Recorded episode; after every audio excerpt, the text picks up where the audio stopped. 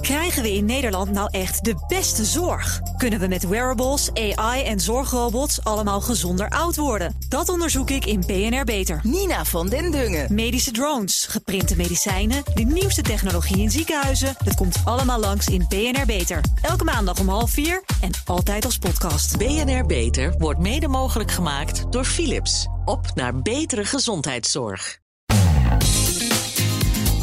Ongevraagd advies. De Chinese economie komt maar niet op gang. Hoge jeugdwerkloosheid, deflatie leiden tot een laag vertrouwen in de overheid. Het is tijd voor advies, ongevraagd advies zelfs aan Xi Jinping. Dat komt van Jos Versteeg, vaste beursanalist verbonden aan Inzinger Gillissen. Jos, goedemiddag. Dag Thomas. Wat zijn wat jou betreft nu de karakteristieken van de huidige situatie, de huidige economie in China? Kun je daar iets over zeggen? Ja, je ziet heel duidelijk dat er een gebrek aan vraag is. De consumenten die hebben eigenlijk helemaal geen trek meer om te consumeren. Die zijn voornamelijk aan het sparen. En bedrijven zitten in een behoorlijk onzekere toestand omdat uh, de Xi Jinping uh, de technologie sector nogal stevig heeft aangepakt. En niet alleen de technologie sector, ook de educatiesector en recentelijk nog weer de healthcare. Uh, daar wordt iedereen toch behoorlijk bang. Uh, Xi Jinping is uh, wat dat betreft een, een, communist van het oude stempel.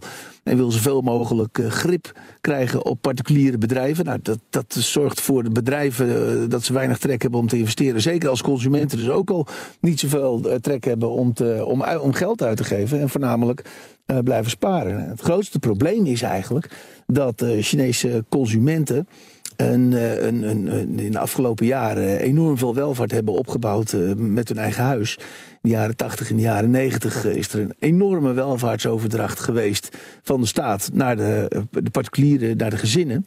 En die hebben een behoorlijke ja, welvaart daarmee opgebouwd en een bestaanszekerheid. En dat dreigt nu toch allemaal kapot te gaan. Ze zien dat die huizenmarkt ja, geleidelijk aan steeds slechter wordt. En uh, ja, ze, ze, beginnen eigenlijk het geloof in de toekomst te verliezen.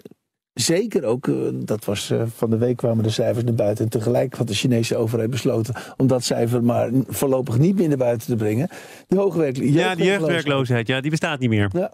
in ieder geval nee, niet in de documenten. Die, nee, en dat is toch wel behoorlijk, een behoorlijk groot probleem. Kijk, je zit met een land wat een verouderde bevolking begint te krijgen. En die, die jongeren die zullen toch echt een baan moeten vinden. Maar Jos, dat is ook een deel van de oplossing. Op het moment dat je weet dat er sprake is van enorme vergrijzing, dan kan het uh, vroeger of uh, later toch niet anders dan dat mensen weer aan een baan zullen komen. Omdat uiteindelijk iedereen nodig is om die Chinese economie te laten groeien. Dat is waar, alleen dat duurt nog wel eventjes. Dit soort demografische processen gaat toch over 15, 15, 20 jaar. Dus zo snel, zo snel uh, gaat dat niet. En het probleem is juist ook dat gewoon heel veel banen niet passen meer bij de opleidingsniveau. Chinese jongeren zijn relatief goed opgeleid. Ja, die hebben geen zin om in een, in een soort concentratiekamp van Foxconn in de bergen van China te werken. Nee, die willen gewoon een, een goede baan hebben. En, en dat is het probleem. En Xi Jinping wil dat ook heel graag. Die, maar, maar ja, als je dus die, die, die technologiesector zo hard aanpakt en daar weinig, die private bedrijven weinig ruimte geeft om, uh, om, om hard te kunnen groeien. Ja, dan komen die jonge mensen, die jonge hoogopgeleide mensen ook niet aan het werk. Zijn er niet orders uitgegaan die aangeven dat die private bedrijven iets meer speelruimte krijgen. Want ik geloof dat ze inmiddels daar ook wel wakker zijn geworden. En dat die private sector niet helemaal vergeten mag worden. als je de Nee. Chinese economie weer aan de praat wil krijgen. Nee, dat hebben ze ook wel gezien. Ze zijn daar ook wel iets mee bezig. Maar het is toch steeds eh, allemaal behoorlijk restrictief.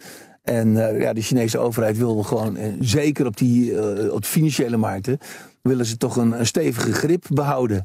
En je ziet gewoon dat, dat, dat China, en zeker ja, Xi, onder leiding van Xi Jinping, toch wat, wat rechtvaardiger in de leer is, is, is geworden. Ja, gewoon minder vrijheid voor de mensen en meer staatsgereguleerd.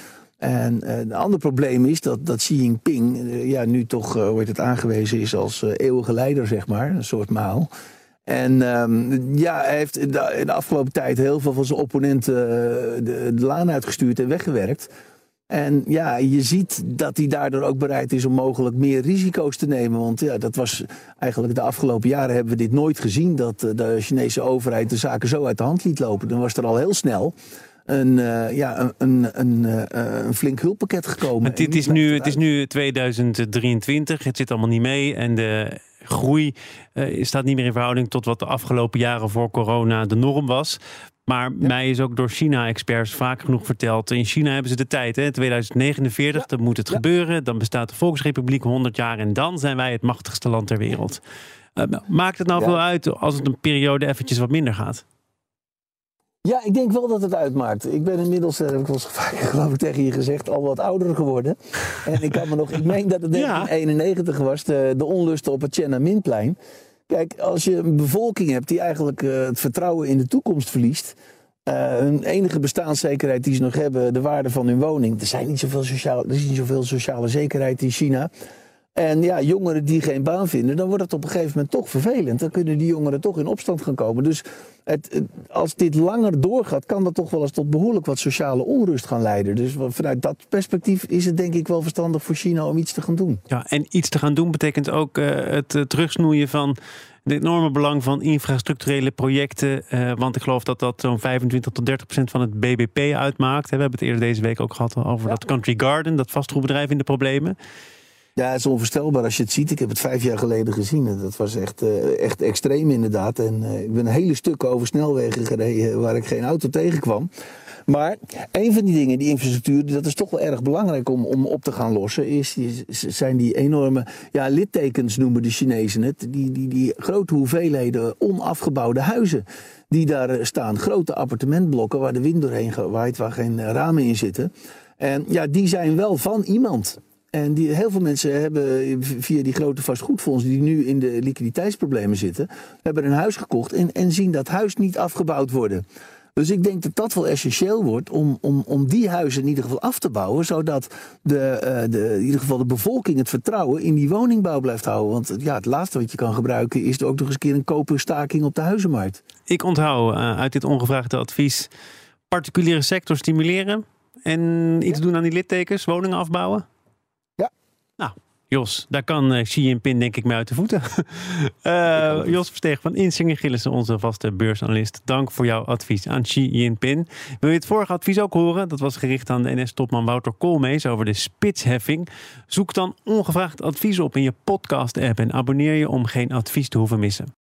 Krijgen we in Nederland nou echt de beste zorg? Kunnen we met wearables, AI en zorgrobots allemaal gezonder oud worden? Dat onderzoek ik in BNR Beter. Nina van den Dungen. Medische drones, geprinte medicijnen, de nieuwste technologie in ziekenhuizen. Het komt allemaal langs in BNR Beter. Elke maandag om half vier en altijd als podcast. BNR Beter wordt mede mogelijk gemaakt door Philips. Op naar betere gezondheidszorg.